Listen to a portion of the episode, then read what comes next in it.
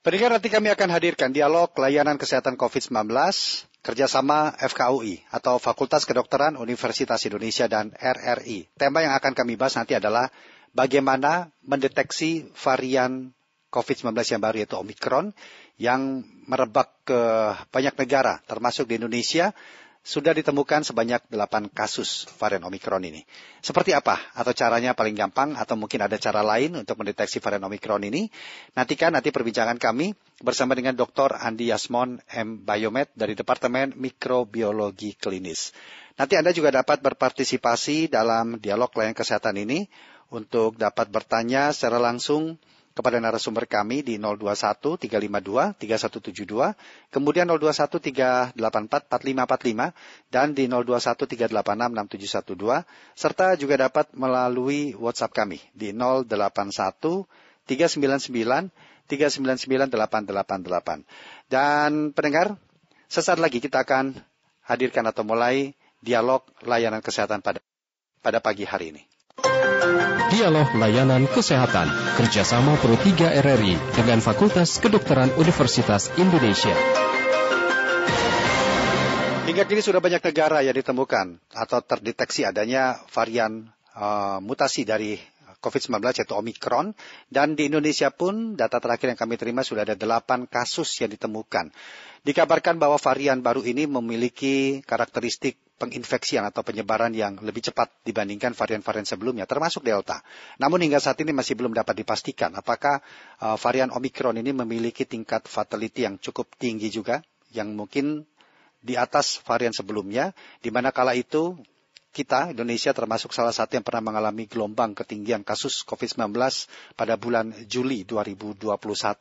Nah, bagaimana caranya untuk bisa mendeteksi varian Omikron yang saat ini sedang merebak dan apa pencegahannya? Cukupkah dengan vaksin? Cukupkah dengan prokes semata? Dan mungkin ada hal lain yang perlu diperhatikan. Kami akan membahasnya bersama dengan Dr. Andi Yasmon M. Biomed dari Departemen Mikrobiologi Klinis. Anda nanti kami undang untuk dapat berinteraksi dalam dialog layanan kesehatan ini di 021 051 384 4545, kemudian 021 dan 081 399 888 melalui WhatsApp kami. Segera kita mulai dialog layanan kesehatan COVID-19.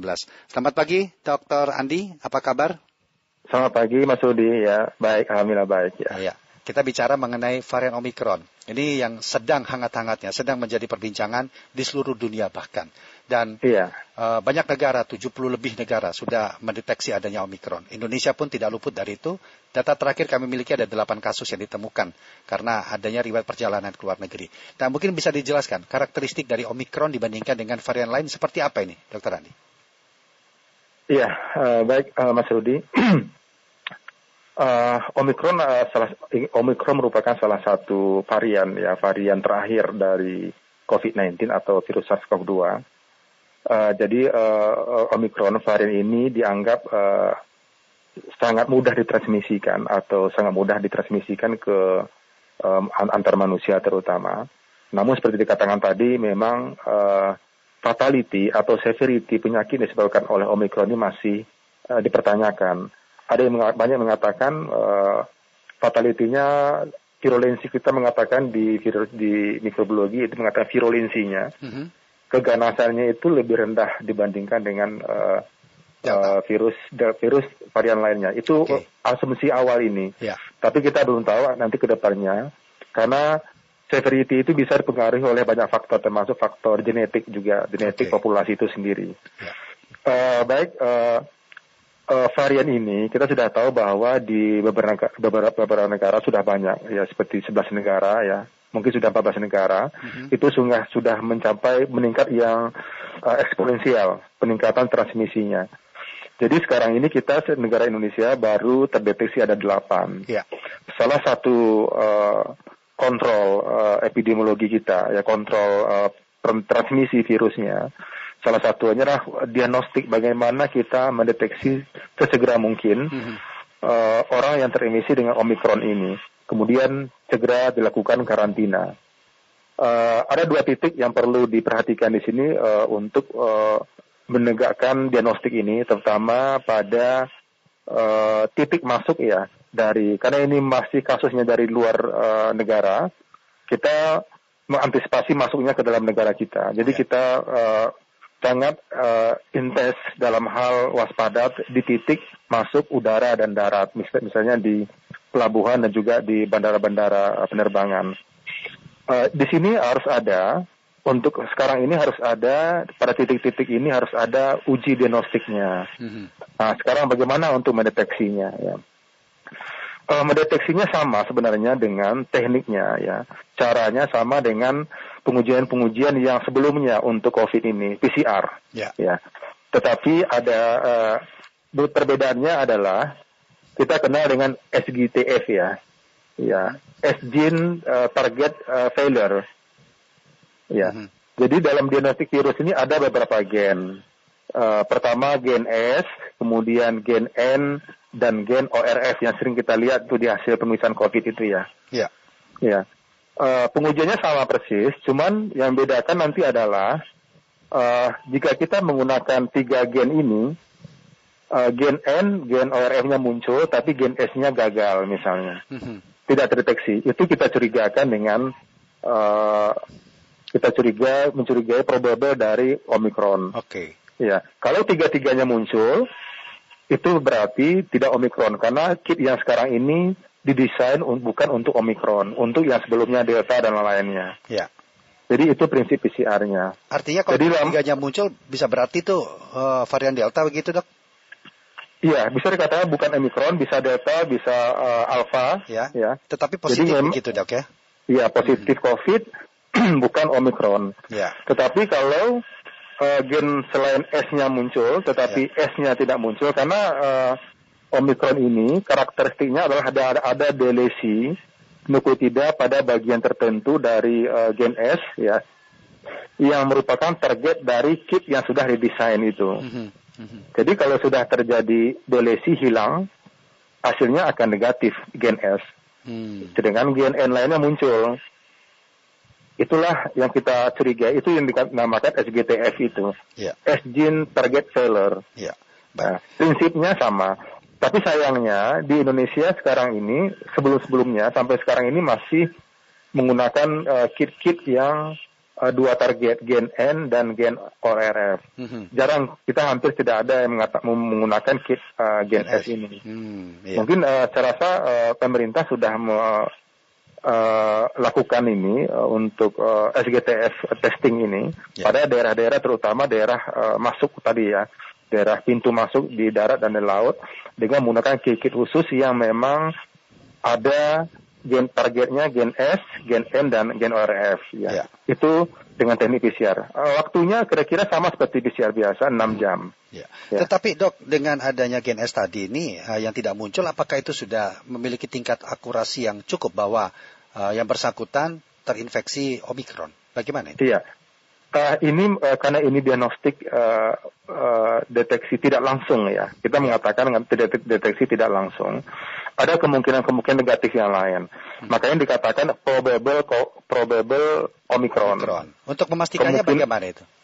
Untuk memastikannya ya kita akan melakukan WGS, whole genome sequencing. Oke. Ya, memang WGS ini, WGS ini butuh waktu sekitar 3 sampai 5 hari karena tidak seperti PCR. PCR itu kan bisa dikerjakan siang, sore keluar. Ya. Kalau WGS ini ada proses eh, eh, sequencing, kemudian ada analisisnya, sehingga dibutuhkan paling cepat tiga hari, paling lama itu lima hari Hmm. hasil. Untuk itu eh, WGS ini mengkonfirmasi apakah benar-benar eh, gennya eh, seperti halnya Omikron atau tidak. Sedangkan PCR hanya Positif atau mendeteksi tidak. langsung. Bisa Ya. kemungkinan yang negatif pun bisa bukan eh, Omikron. Jadi memang probable. Ya. Ya, kemungkinan besar gitu ya. Ya, mudahnya mungkin PCR itu hanya mendeteksi positif negatif untuk mengetahui lebih jauh lagi apakah yang positif itu jenis varian apa itu melalui WGS begitu dok ya.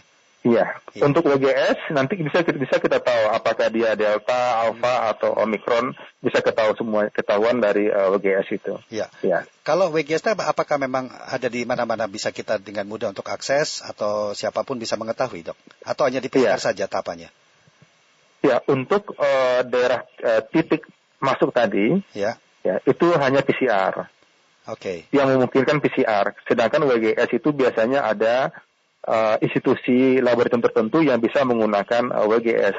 Walaupun tidak banyak ya sekarang ini, tapi memang ada beberapa lab yang bisa menggunakan uh, teknik WGS ini. Hmm. Seperti misalnya uh, Litbangkes dan uh, Ekmen dan juga ada beberapa lab WGI dan lainnya itu bisa menggunakan WGS ini. Ya, di mana ya. hasil PCR tidak muncul uh, gen S-nya itu akan ditindaklanjuti melalui WGS begitu dok ya? Iya. Iya. Ya. Baik, kita terima dulu pendengar uh, dokter ya untuk bisa berinteraksi dengan uh, kita pagi hari ini. Ada Pak Udin di Boyolali. Selamat pagi Pak Udin. Pagi, Assalamualaikum warahmatullahi wabarakatuh. Waalaikumsalam warahmatullahi wabarakatuh. Silakan Pak Udin. Pak Rudi, Bapak Dokter Adi, Departemen Bio Mikrobiologi Klinis. Uh, apakah virus COVID-19 varian uh, Delta dan Omicron gitu ya, pasiennya itu lebih susah disembuhkan atau tidak atau sama aja gitu Baik. kayak COVID-19 ya. biasa. Terima kasih. Wassalamualaikum warahmatullahi wabarakatuh. Waalaikumsalam warahmatullahi ya. wabarakatuh. Gimana dok? Ya baik Pak Udin. Uh, untuk uh, Omikron sekarang ini lebih uh, kelihatannya ya ataupun dari beberapa report dari uh, artikel uh, Omikron ini lebih stabil ya lebih stabil dan lebih mudah ditransmisikan. Biasanya kalau virus itu lebih stabil, dia lebih bertahan di lingkungan lebih lama dan lebih banyak akan akan banyak orang dipengaruhi oleh uh, uh, virus ini. Artinya akan banyak orang terinfeksi.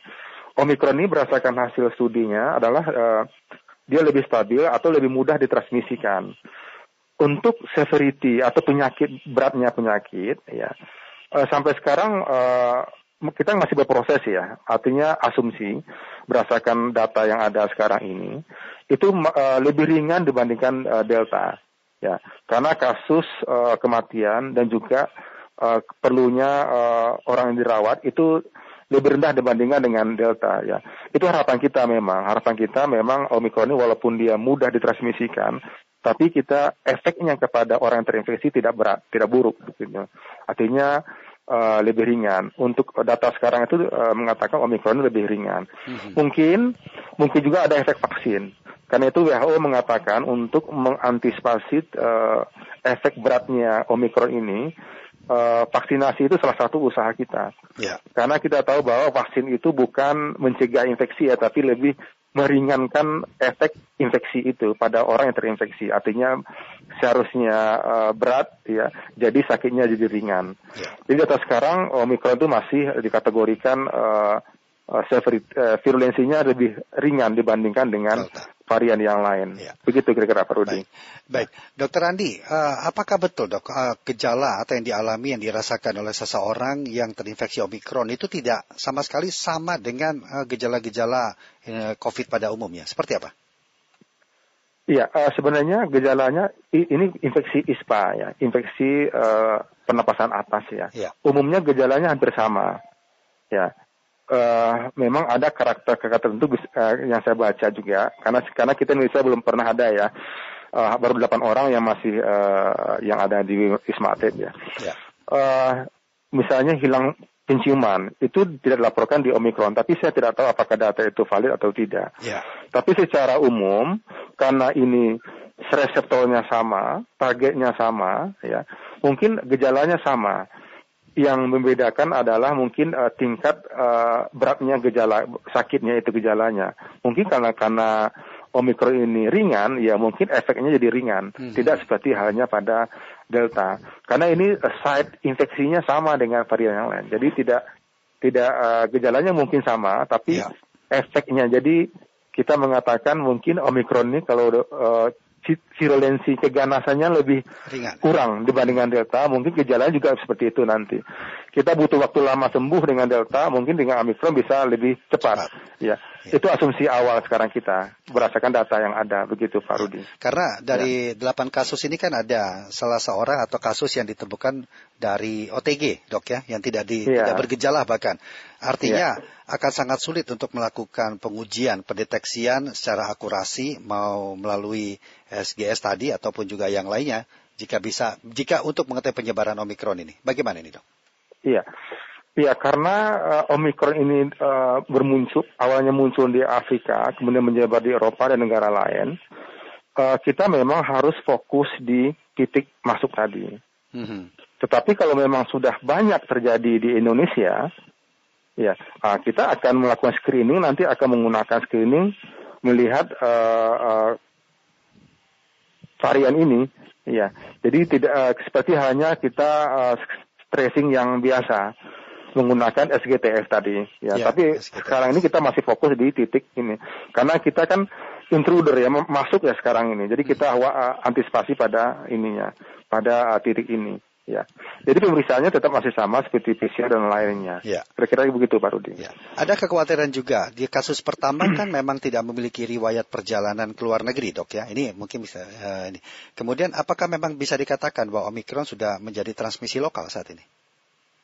Uh, jika, uh, uh, kita tidak tahu bahwa misalnya ya. memang tidak ada uh, perjalanan luar negeri, tapi mungkin kontak dengan orang yang Melakukan perjalanan luar negeri misalnya ya. Hmm. Ya, kalau seperti ini sudah masuk ke uh, transmisi lokal, artinya bukan ya. dibawa oleh orang dari luar negeri. Bukan. Import, uh, ya, hmm. ya. Uh, sebenarnya kalau kita segera juga mengidentifikasi nah. transmisi di lokal, ya Iya, segera kita karantina atau kita isolasi misalnya, itu sebenarnya transmisi segera berhenti. Hmm. Ya, itu yang kita sekarang uh, kerjakan ya, yang kita usahakan. Ya mudah-mudahan juga nanti dengan uh, aktif apa dengan programnya Kemenkes ini ya uh, transmisi Omikron lokal kita ini tidak terlalu uh, berbesar seperti ya. halnya Delta sebelumnya. Tapi ini perlu ada usaha-usaha yang segera jika ada jika ada kontak dengan orang yang memungkinkan uh, perjalanan luar negeri, ya itu segera kita uh, tracing ya untuk meminimalisir uh, transmisi yang lebih luas lagi. Yeah. Ya, itu usaha-usaha yang perlu kita lakukan karena ini pandeminya masih berlanjut ya, yeah. masih berlangsung sekarang ini gitu. Ya. Dok, dari dari seluruh sarana dan prasarana yang ada, uh, kemampuan kita untuk cepat me melakukan pendeteksiannya, khususnya terhadap varian Omikron, ini bagaimana, dok? Iya, uh, sarana dan prasarananya sama dengan uh, lab yang ada sekarang ini, Pak Rudi. Jadi sama persis, alatnya sama, ruang labnya juga sama. Bedanya adalah kitnya karena Indonesia uh, umumnya menggunakan menggunakan kit tanpa gen S. Ya. Jadi kalau kita memang nanti sudah uh, misalnya uh, kalau terjadi hal yang buruk misalnya ada transmisi lokal yang uh, tinggi ya kita mungkin akan melakukan uh, pengujian-pengujian menggunakan kit menggunakan kit yang ada paket S-nya juga gitu. Mm-hmm. Jadi kita bisa tahu bahwa ini uh, S-nya failure gagal kemudian gen N-nya muncul kita sudah probable uh, Omicron ya. Dan juga melihat kondisinya juga mm-hmm. ya ya apakah uh, infeksi omikron ini uh, berat bagi orang Indonesia kita belum tahu juga gitu. Iya. Yeah. Karena ini tergantung kondisi-kondisi di suatu uh, daerah. Di, ada faktor genetik. Hmm. Ini masih asumsi ya, Pak Rudi. Tapi boleh jadi ada hal-hal yang perlu kita antisipasi, hal buruk yang perlu kita antisipasi ke depannya. Hmm. Seperti apa? Hanya saja? hanya menukar kit saja, uh, hmm. Pak Rudi. Iya. Ya. Kan dikhawatirkan jadi, dengan adanya varian baru akan memperlambat proses pendeteksian. Itu kan yang dikhawatirkan gitu, dok. Sama persis uh, Pak, Pak Rudi. Hmm. Waktunya juga tiga jam empat jam sudah selesai, enam okay. jam ya. ya. Cuman bedanya kitnya karena kit kitnya yang... kit kita guna selama ini tidak pada S-nya, jadi kita nggak tahu. Ya. Uh, kita perlu itu ya. Iya, jadi kita perlu uh, menggunakan mensubstitusi kit yang baru yang ada gen S-nya gitu. Hmm. Ya. ya. Kemudian bagaimana? Kalau cepatnya ya. sama. Cepatnya dan lainnya sama dengan PCR biasa. Ya. Uh, selain itu kan juga dikatakan pendeteksian terus digencarkan dan juga membendung dengan cara vaksinasi itu juga sangat diperlukan saat ini. Apakah uh, Omikron ini memang memiliki karakteristik yang uh, cukup ampuh terhadap efikasi vaksin yang kita miliki saat sekarang ini, dok? Iya, berdasarkan data yang ada, vaksinasi itu meningkatkan atau mengurangi beratnya penyakit. Ya. ya. WHO melaporkan uh, melaporkan uh, vaksinasi itu merupakan salah satu usaha untuk uh, meminimalkan efek dari uh, infeksi Omikron ini. Bahkan uh, WHO menyarang, merekomendasikan untuk vaksinasi pada anak begitu ya. Kemudian untuk booster pada uh, apa ya pada orang uh, misalnya Sinovac uh, dua kali vaksinasi di booster uh, segera di booster untuk ketiga kalinya untuk mengantisipasi dari uh, uh, omikron ini. Memang ada perubahan-perubahan genetik itu akan memberi efek pada Ya. uh, respon imun orang yang divaksinasi, Ya. tetapi tidak menghilangkan begitu Pak. Jadi kita harus uh, pahami ini, Mhm. tidak menghilangkan. Misalnya responnya 100%. Mhm. Ketika ada perubahan mungkin hilang tiga- 20%. Masih ada 20% respons imun yang bisa melawan virus ini. Walaupun karena virus ini sendiri pun ada macam-macam gen, gen S, gen E dan lainnya. Yang berubah itu hanya gen S. Yes, ya. Jadi mungkin eh, pada gen-gen yang lain respon imun kita itu masih bekerja. Ya, karena Ya. jika kita melihat dari perbandingan ini dok ya dengan negara-negara Eropa, katakanlah Inggris dan juga Belanda, Ah. begitu cepatnya mereka melakukan atau mendeteksi keberadaan Omikron dengan signifikan kasus yang sangat tinggi, bahkan sempat membuat heboh di fasilitas kesehatan mereka. Nah, itu apakah tingkat keberhasilan pendeteksian mereka atau ada hal lain dok dibandingkan dengan uh, kita katakanlah seperti itu? Iya, eh, dalam pandemik ini eh, untuk me- mengontrol infeksi ada tiga hal kan sebenarnya Pak Rudi. Pertama identifikasi, ya tepat ketepatan identifikasi dan kecepatannya. Kemudian segera diis- diisolasi, ya. Kemudian jika jika ada jika ada eh, infeksi segera di treatment. Jadi ini tiga hal ini ya. Saya rasa eh, mungkin tahap sekarang ini mereka eh, lebih banyak eh, menggunakan deteksinya. Mhm. Jadi seperti kita negara Indonesia, jika kita gagal mendeteksi, kita mengatakan biasanya ini menjadi kuda hitam, gitu, kuda liar. Ya, ya. Yang nantinya kuda liar ini akan menyebarkan virus bisa 10 orang. Setiap seorang dari yang 10 ini menyebarkan 10 orang lagi. Ya. Makanya begitulah eh, pentingnya diagnostik itu titik awal untuk pencegahan. Ya. Kemudian kalau kita sudah tahu positif, kita segera isolasi supaya tidak menyebar ke orang lain. Mhm. Kemudian yang sakit kita obati. Ini, ini tiga hal yang perlu kita eh, perhatikan ketika kita mengontrol eh, pandemik apa pun pandemiknya, tidak hanya eh, eh, COVID ini. Ya. Gitu baru dia. Ya, karena bisa juga kan dok eh, berpikiran seperti ini. Oh mungkin Indonesia yang eh, kasusnya hingga saat ini bi- bisa atau dikatakan masih delapan jika dikat- dibandingkan dengan negara-negara Eropa. Apakah memang Indonesia orang Indonesia sudah memiliki antibodi yang cukup bisa membendung penyebaran Omikron dibandingkan negara-negara Eropa? Justru mereka belum terbentuk antibodinya. Bagaimana jika pemikiran itu ada dok? Iya. Eh, pertama vaksinnya.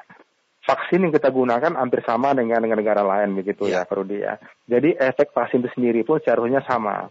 Ya, memang ada dalam pato dalam infeksi ini ada faktor-faktor genetik, ya. Tetapi sebenarnya faktor genetik, eh, faktor vaksin ini lebih besar eh, perannya dibandingkan dengan faktor-faktor eh, genetik sebenarnya, ya. Jadi eh, vaksin ini eh, seharusnya mengurangi eh, beratnya eh, sakit, ya. Karena kita- yang saya lihat di negara-negara lain itu eh, kematian itu masih kecil, Iya. Pak Rudi. Ya, memang tinggi tinggi tinggi terjadi transmisi, tetapi kematian itu masih kecil. Mhm. Eh, salah satunya mungkin efek vaksin itu. Hmm. Ya, karena kita tahu bahwa infeksi pernapasan ini eh, hampir semua infeksi pernapasan oleh virus itu tidak ada yang namanya eh, pencegahan infeksi. Ya. Rhinovirus, adenovirus, influenza, kita akan selalu terinfeksi virus itu. Tapi kita karena ada imunitas kita yang kuat, dua hari tiga hari sembuh. Mhm. Iya. Atau orang yang divaksinasi berapa hari sembuh. Jadi sebenarnya vaksinasi itu fungsinya adalah untuk meringankan sakit ya. Baik. Ya, bukan untuk pencegahannya. Ya. Itu. Makanya kita penting untuk eh, vaksinasi ini tetap digalakkan Ya. Untuk meminimalkan efek dari munculnya varian-varian varian-varian baru dari COVID-19. Mungkin sekarang Omicron, mungkin nanti kita nggak tahu apa lagi yang muncul ya. Tapi kita tetap mempertahankan, memperkuat imunitas kita ya dengan vaksinasi ini. Karena belum tentu juga antibodi kita sudah terbentuk dok ya. Makanya diperlukan nanti diperlukan vaksin untuk menambah itu semua. Baik. Iya. Ya. Iya. Dokter terima kasih ya sudah berbincang dalam dialog layanan kesehatan. Semoga bermanfaat buat kita semua dan untuk kita bersama-sama tetap untuk membantu untuk tidak menambah penyebaran uh, varian Omikron ini dengan vaksinasi dan juga uh, protokol kesehatan yang secara disiplin dilakukan. Terima kasih Dokter Andi sudah berbincang Baik, pagi hari so- ini. Sama-sama Pak Rudi, terima Ya. kasih. Terima Selamat kasih. pagi. Pagi Pak Rudi. Demikian tadi Dr. Andi Yasmon M. Biomed dari Departemen Mikrobiologi Klinis dalam dialog layanan kesehatan COVID-19. Terima kasih untuk Anda sudah berpartisipasi. Kami akan hadir kembali dengan tema yang berbeda, dengan narasumber yang berbeda juga dalam dialog layanan kesehatan kerjasama Fakultas Kedokteran Universitas Indonesia dengan RRI dan terima kasih juga untuk Anda. Nanti kami akan hadir kembali dengan tema-tema yang lain dalam Indonesia Menyapa Pagi. Demikian dialog layanan kesehatan kerjasama Pro 3 RRI dengan Fakultas Kedokteran Universitas Indonesia. Acara ini bisa Anda dengarkan setiap Senin sampai dengan Jumat pukul 9.30 waktu Indonesia Barat.